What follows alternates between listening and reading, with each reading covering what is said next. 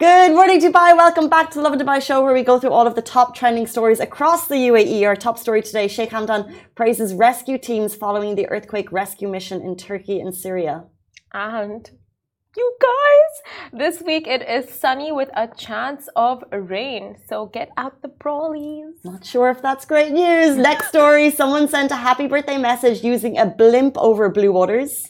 And Dubai's ruler grants 8,500 plots of land for Emirati homes. And do stay tuned because right about 8.50 we're going to be joined by pro boxer Shannon Courtney, aka the Babyface Assassin. And as always, we love to see your comments coming through on Facebook, Twitter, Instagram, YouTube, TikTok. And also this goes live in podcast format later in the day. So if you want to catch it there, you most certainly can. But before we get to all of that. Yes.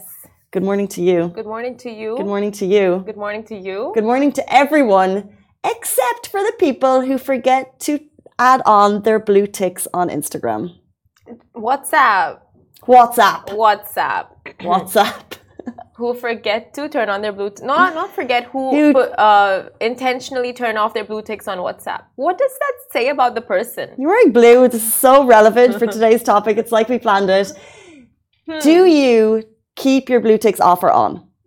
So i have uh, 80% of my friends who keep their blue ticks turned off Really? and i must say those 80% of friends are all men like just in my circle That's so interesting uh, because we did a little whip around the office for this show, and Simran and I we keep them on, and then the guys uh, Ali Baba or Shahir keeps them off. Ali K, do you have your blue ticks on or off? Off. so in case you've been living under a rock, the blue ticks are a form of alert that uh, alert WhatsApp uh, recipients if the message has gone through. yes And they say that keeping them off is a form of protecting your privacy. So basically, Yeah. uh, the sender doesn't need to know that you've sent the message. No that you've uh, read the message That you've read the message. Yeah. I'm gonna get there. I'm gonna get there today. Tuesday morning. we have three more days to go. Uh, but basically, yeah. So when I, if your blue ticks are off, I send you a message. You can read it, and you never have to reply, and I'll never find out because your blue ticks are turned off. So I'll, it- it'll never turn blue because you know when you read a message, it turns blue, right? So, um, like for me, my thing is I don't open messages, but if I open the message, I will reply to it. So those with the blue ticks turned off, it's like they open the messages and they can ghost you for days. You'll never find out if they've read it or not. And what's your reason for keeping it on? Because it's like, I mean, like for me, it's that visibility is fine. Like if I am reading the message, I'll reply to it. So if the blue tick is there, it's fine, you know. And if it's not there, fine. Either way, because I would want to know if someone's reading my messages. Exactly. Yes. Same. It's got nothing to do with me responding to them.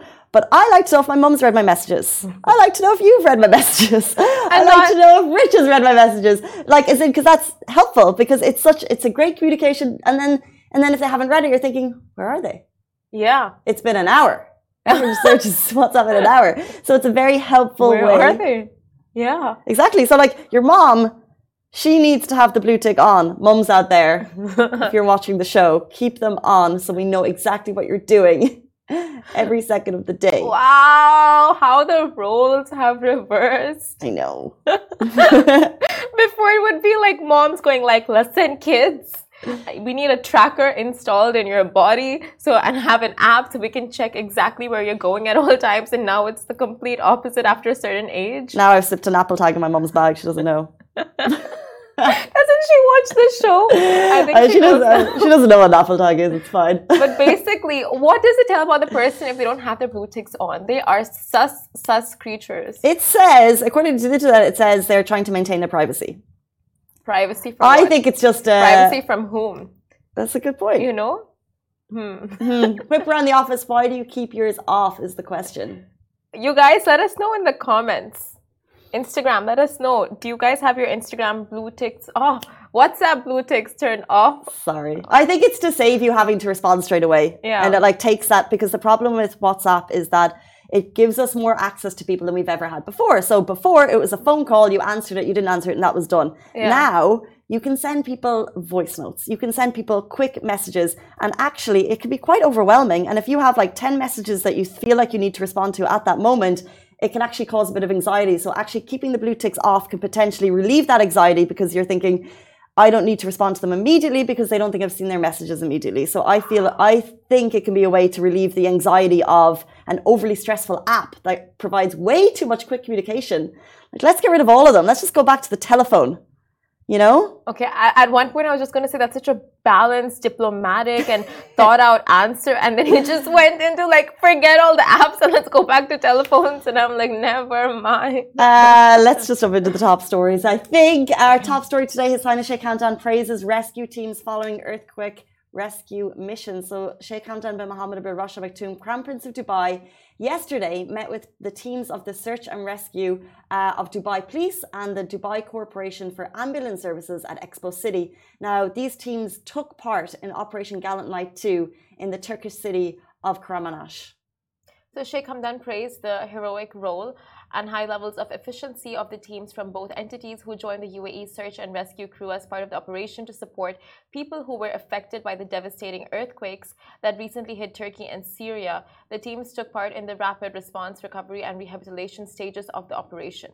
And during the meeting, Sheikh Hamdan was briefed by Colonel Khalid Ibrahim Al Hamadi, the leader of the search and rescue teams, about the team's rescue operations in the cities uh, which were heavily affected by the earthquake. And during the meeting, the Dubai Crown Prince highlighted the UAE's commitment to providing humanitarian aid to those in need in times of adversity, guided by the ideals of the late Sheikh Zayed Al Sultan Al Nahyan, and remains committed to providing a helping hand to communities among the world facing crises. Um, so I think it's just a massive thank you to the teams who have returned. I know it will be a very special moment for them to have been praised directly by uh, His Highness the Crown Prince of Dubai. So it is a massive thank you for all of us to going representing the UAE and uh, really helping in the time of need.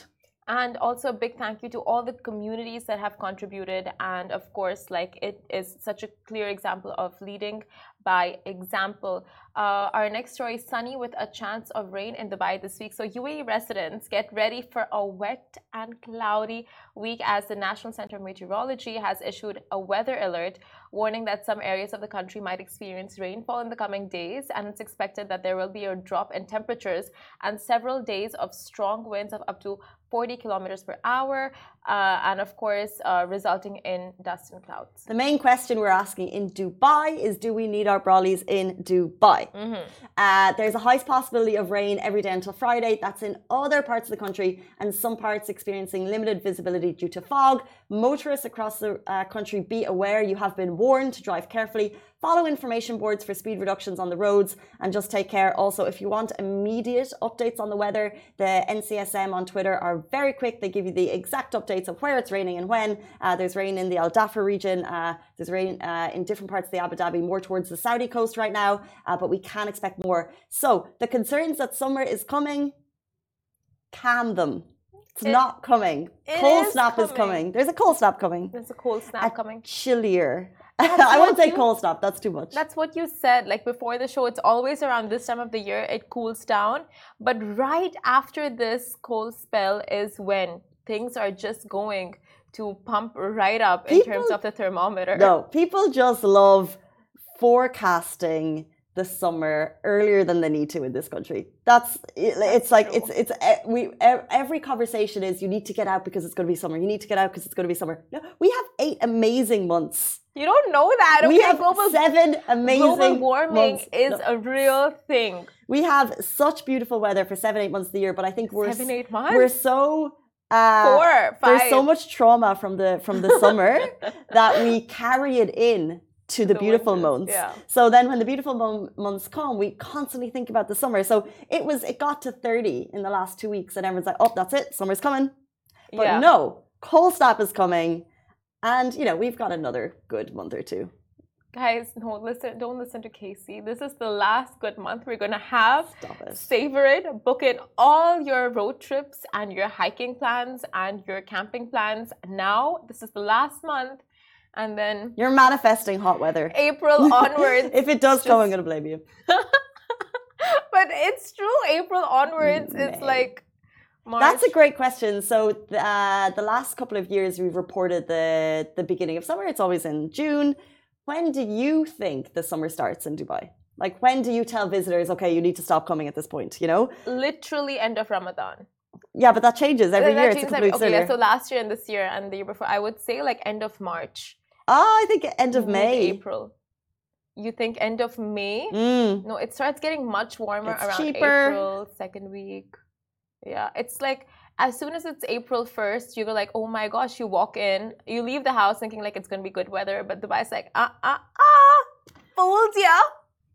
It is summer. Guys, please let us know. Does summer in Dubai to you start 1st of April Yeah. or 1st of May, 1st of June? 1st of June. I yeah, 1st of June. Like it's getting toasty, but it's manageable. You can still get out in the mornings and the evenings and have a good time. The middle of the day is hot, but we're well prepared for it. So 1st of June, I think summer starts, and you think it starts 1st of April. Yeah, but you know what? April now Fools. things might be a little like different only because of all the initiatives that we have of cloud seeding. You And just said global warming, cool- it's getting hotter. You No, global warming is like mother nature, and then cloud seeding is man-made. So, like you know, let's see how both of them just have an effect on the weather when you know. so you're like April 1st question mark. yes, mid-April. Um, speaking of a question mark, there was a question mark over Dubai yesterday. Who is Eugenia? Happy birthday to you because you have just got the most spectacular birthday message. It was a blimp over blue waters. Some of the DMs that came through were amazing uh, and the comments. So someone said princess treatment only. Oh! Someone said the boys now have a lot to live up to. By the way, we don't know this is from a boy, just as an FYI. Uh, someone else said this is from someone who got friend zoned. So these are just some of the messages of uh, support and question marks to the anonymous big gifter who lit up Blue Waters yesterday with the ultimate display of affection. So a big yellow blimp was spotted over Blue Waters yesterday, wishing Eugenia a great, big, unmissable happy birthday, and the internet has a lot to say. Did you see the blimp? Were you impressed? Did you think it was too much? Uh, we had a couple of people messaging us pretending to be Eugenia. Like their, their name is Eugenia. So there was like a guy in the comments, I think his, his name was like Eugeno. He was like, thanks guys. Welcome. so a couple of Eugenias got in touch. Take the win. Um, happy birthday to Eugenia, a great big yellow blimp. I wonder if it was a surprise. Uh, would you like to see come December, happy birthday Simran? Wow, when you put your name there, it's very real. Would you like to see that? Yeah, duh. Obviously, who would not? Who would give me a person who would give me one person who would not, and give me a sane person who would not like that? A sane person who would not appreciate that gesture. I don't know what to say. And when you say, yeah, why not? Like, Would you not appreciate that? I mean, if someone did it, you wouldn't say no, but I wouldn't choose it. It wouldn't, I don't think I need So it. if the if uh, your family surprises you with like a "We love you, Casey," a blimp in the sky for your birthday, Give me a voucher at the mall. Casey, Give me the voucher. Send me off. the big blimp with your face on it, and like Definitely not face. Would you like your face on a big blimp? Happy birthday, Simran. I mean, like why not? You know, Would you guys like a blimp for your birthday with a happy birthday message on it? like Um, a grand big gesture for your birthday. Why not? No. The jury's out. Um, I think each to their own. Mm. Uh, let's jump into our next story. So Dubai's ruler grants 8,500 plots of land for Emirati homes. Now, His Highness Sheikh Mohammed bin Rashid Al Maktoum, Vice President and Prime Minister of the UAE, issued directives to immediately allocate 8,500 land plots to Emirati citizens in the Al Yalayis uh, 5 area in the space, which spans up to 120 million square feet. And the Al Yalayis uh, 5 area will be developed to include 10 kilometers of green areas for walking and sports activities, entertainment areas, and other amenities reachable within 20 minutes, like grocery stores, a gym, and a cycling track. which ties in with the 20 minute initiative announced by His Highness earlier this year. So these plots are for citizens, and the citizens who have received approval from the Mohammed bin Rashid housing establishment are eligible to obtain these land plots. So citizens can select that plot that suits their needs using the Emirati digital platform on the Dubai Now app. Now, members of a family will be given priority in obtaining plot allocations in the same neighborhood, which is also amazing. And so His Highness Sheikh Mohammed's directives to expedite the allocation of the land plots as part of national housing program he launched reflects his commitment to ensuring the well-being and happiness of the UAE nationals. And uh, like they say, a happy home. No, they say a happy wife is a happy life. So that applies to like the citizens as well. True. Happy citizens, Happy life. happy country, happy life. Yes. So true. I mean, in terms of like the benefits and uh, benefits for citizens are different to benefits of residents, but also we see benefits as residents, but benefits of citizens, you know, there's uh, less than 10% Emirati citizens living in the country as opposed to 90% nationals. And they really do ensure, uh, in terms of health, welfare, uh, you know, social commitments that uh, the citizens are very looked after, which is great. Exactly. And now We're going to be joined by the pro boxer Shannon Courtney, aka the babyface assassin. She's going to be with us right after this break. Welcome back to Lovin Dubai Show. We are joined by none other than pro boxer Shannon Courtney. She rose in the ranks to become the WA World Champion between April and October 2021, and soon she's potentially eyeing a fight in Dubai and Saudi. Welcome to the show, Shannon. Thank you for coming. Thank you for having me. So you have the uh, nickname Babyface Assassin, and I so see it. like we were gonna ask you, like, how did that come about? But you can just see that. I never gave myself the name; it got given to me. But I'm getting on a little bit now, so I'm thinking if I want to keep this name, I'm gonna have to start having Botox, you know, keeping the young face going. But uh, tell us about your first fight. my debut. Do you know what? People are normally so nervous for their first fight. I just enjoyed it because you're only going to have one debut, aren't you? So I just thought I'm going to enjoy the whole process. And it's the first time my mum ever watched me box because she never come to any of my fights beforehand. So just enjoyed it and had a good time, really. Good attitude. How did you even get into boxing? Like you have all the norm jobs and stuff, and then you're like, okay, no, I want to be a professional boxer. Why? How? It just came about by chance. I wasn't really living the most healthiest lifestyle. I was overweight. I was a big drinker, big smoker. And then I lost a bet, so I had to go to a boxercise class. And then, I know how bizarre. And then just wound up being quite good at it. And the next thing I know, I was in Finchley where they trained like Anthony Joshua, and he just won the Olympics. And they said, you know, you, they were quite blunt. They were like, you're overweight, you smoke, you drink, but you've got a natural talent. And then that day, I threw the cigarettes in the bin, went running, and I never looked back. And it just changed my whole life from there. Wow, how that just played out. I know, crazy. And what was kind of so? I guess you had your debut. Did you win? yes. And where did it go from there in terms of like wins and losses? And you knew that you could kind of make a career of it. So as an amateur, I was my in my head. I thought I wanted to just see how I got on at first, and I ended up really loving it, making a name quite early on. Then we was looking at the Olympics, and then around the time the qualifications for trying to go for the Olympics, I got offered a contract by Eddie Hearn, the biggest promoter in the world, and then I turned pro. And then it just went on from there. And then within what, seven fights, I was as a professional world champion. Wow. It's amazing. and would you say, sorry, would you say that that was your career highlight, or So was it the small fights on the way? I think you can't always look at the destination. You've got to enjoy the journey. So the whole time I've enjoyed the whole journey, even the small steps, the the smaller fights. But in my head, I know I'm going to be world champ. I'm going to win another world title. So the first one was fun because it's the first time.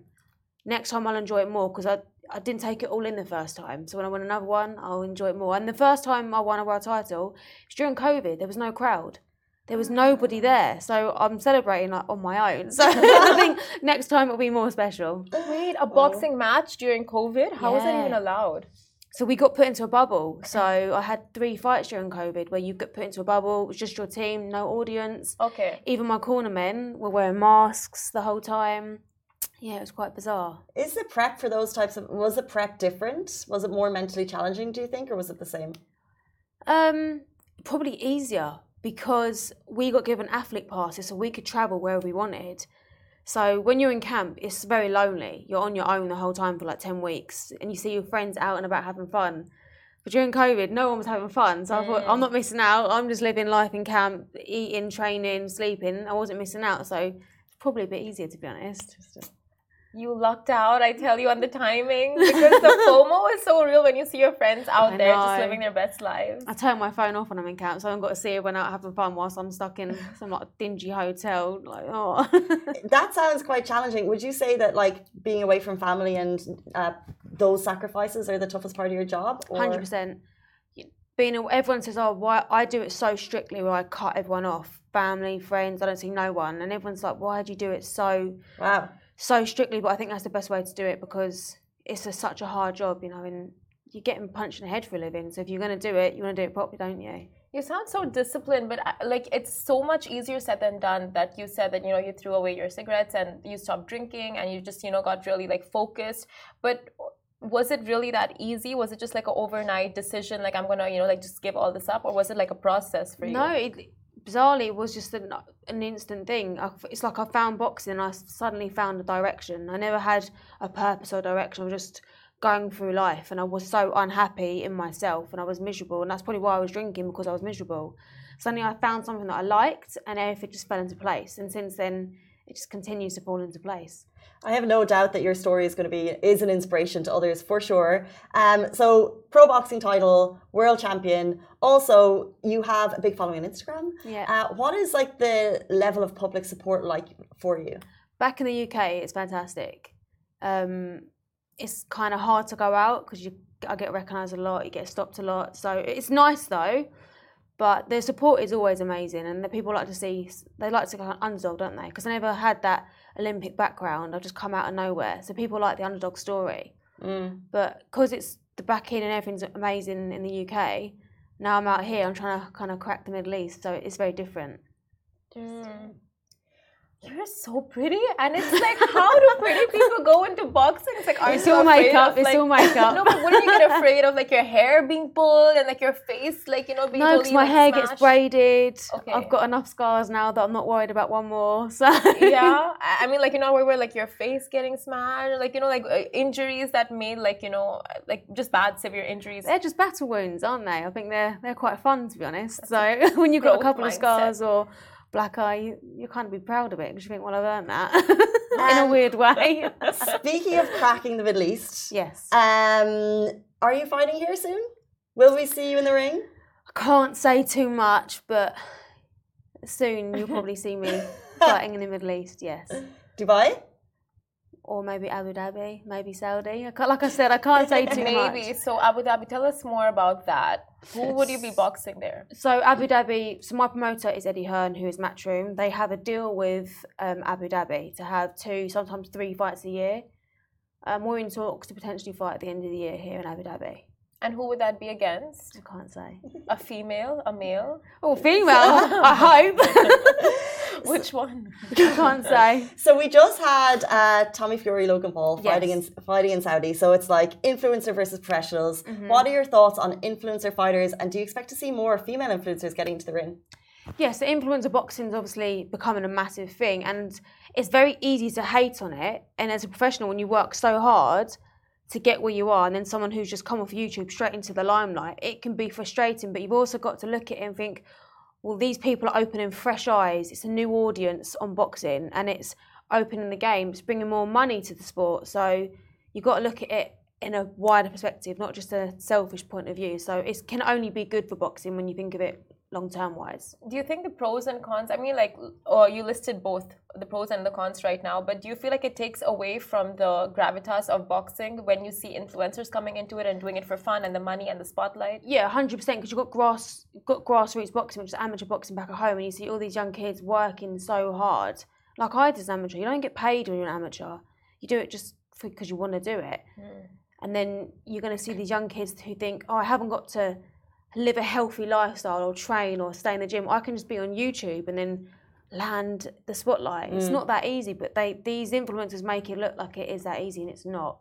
And boxing's the hardest, loneliest sport in the world. So don't be fooled thinking that you can just make a video and become an influencer and suddenly you're going to be on the main stage. It's not that easy. Do you feel like that's the 15 minutes of fame that people talk about on the internet? Like, 100%. get in the boxing ring, fight, that's your 15 minutes of fame, and you're done. 100%. Yeah. People nowadays are craving, craving fame for the wrong reasons and they want to be famous for the wrong reasons. You know, do it because you want to inspire the youth or get something good out of it, not because you just want to be, have your face planted everywhere.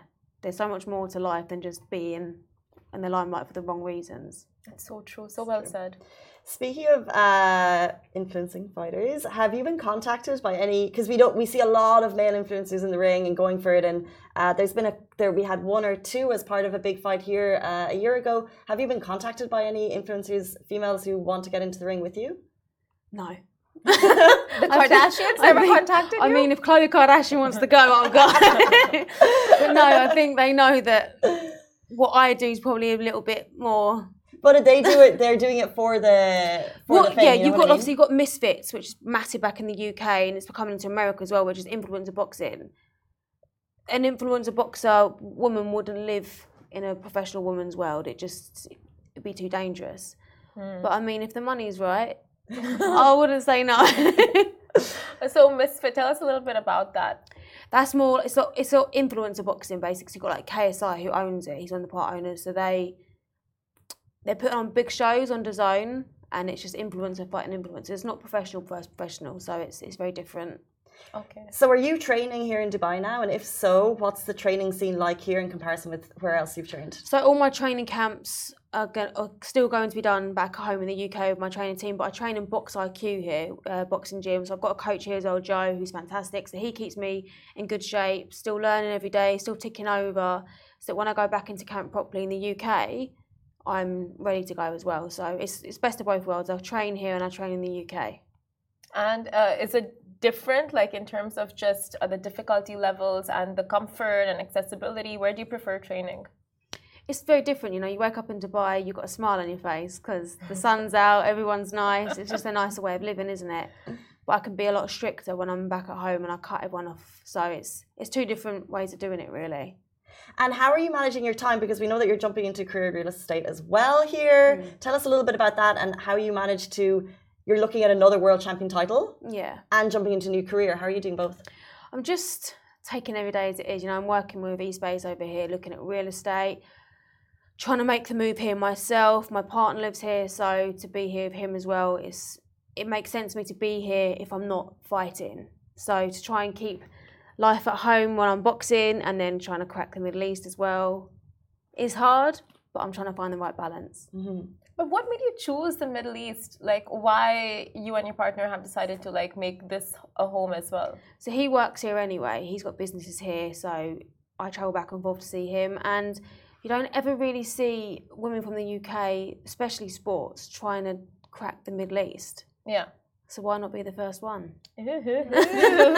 So true, and this is a place I'm sure you've seen like the the boxing and the fighting scene here. It's just been growing year on year. Yeah, Um. So no doubt we're going to hopefully see you in the ring before the end of this year. maybe. Um, Shannon Courtney, before you leave us, we want to play a quick game with you if that's okay. Go for it. Uh, it's called What Gives Shannon Courtney the Ick. if something is icky, you have to press the button, and we're going to find a little bit more about you. Go for it. okay, let's start. Hair pulling during fights. Ick. Definitely. Do you have a message for all the hair pullers? don't do it. Um, poor hygiene. You don't like a smelly component? Cleanliness, like that's my biggest thing. I've got severe OCD, so in my opinion, BO should be illegal. Why should people suffer for your unhygienic ways? No, thank you. But do you refuse a fight if someone's like really smelling? Well, I've got no choice, have I? And if you're in the ring for 10 rounds, you're going to sweat a little bit, aren't you? so I'll, I'll give them a leeway. But in general life, have a wash. You know, it's not that hard. Deodorants. Uh, okay, overly aggressive behavior. it's nice to be nice. Uh, and it's always good to go around life with a kind heart. Don't be too aggressive because it will come back on you. I believe in karma. She's not a stereotype boxer, is she? Everyone expects me to be aggressive because of Yeah. my job, but no, I'm not. Trash talking. No, ick. Love a bit of trash talking. what are some boxing trash talk? you should try and get in each other's head a little bit so you can make them nervous or try and work them out. As long as you've got a, a solid core and you're not affected by someone else's words, trash talk's quite good. If you could trash talk us right now. Oh, we're not going there. Trust me. We're She not. has like a lineup of it. She's like, if we go, We we'll go. go. Coming back. okay, bad sportsmanship. Yeah. I've been a guilty bit myself. Um, I lost a fight once and I didn't even do the interview after the fight. I just stormed off. I looked like a baby on TV, so put my hands up. But that's because it means so much to someone. If you don't care, then that's a problem as well. But yeah, bad sportsmanship is it's a bad thing. Strong words. We're going to leave it there. Uh, Shannon Courtney, an inspiration to everyone everywhere. Your journey has been incredible and your story is phenomenal. So thank you so much for coming to Dubai, sharing your story with us, and wish you the best of luck in your fights and also in your real estate career with Espace. That is all we have time Thank for you so today. much. Thank you so much for joining us. Thank you. Thank you. Whoops. This show is brought to you by the Augustus Media Podcast Network. Thank you for listening, and I hope you enjoyed it.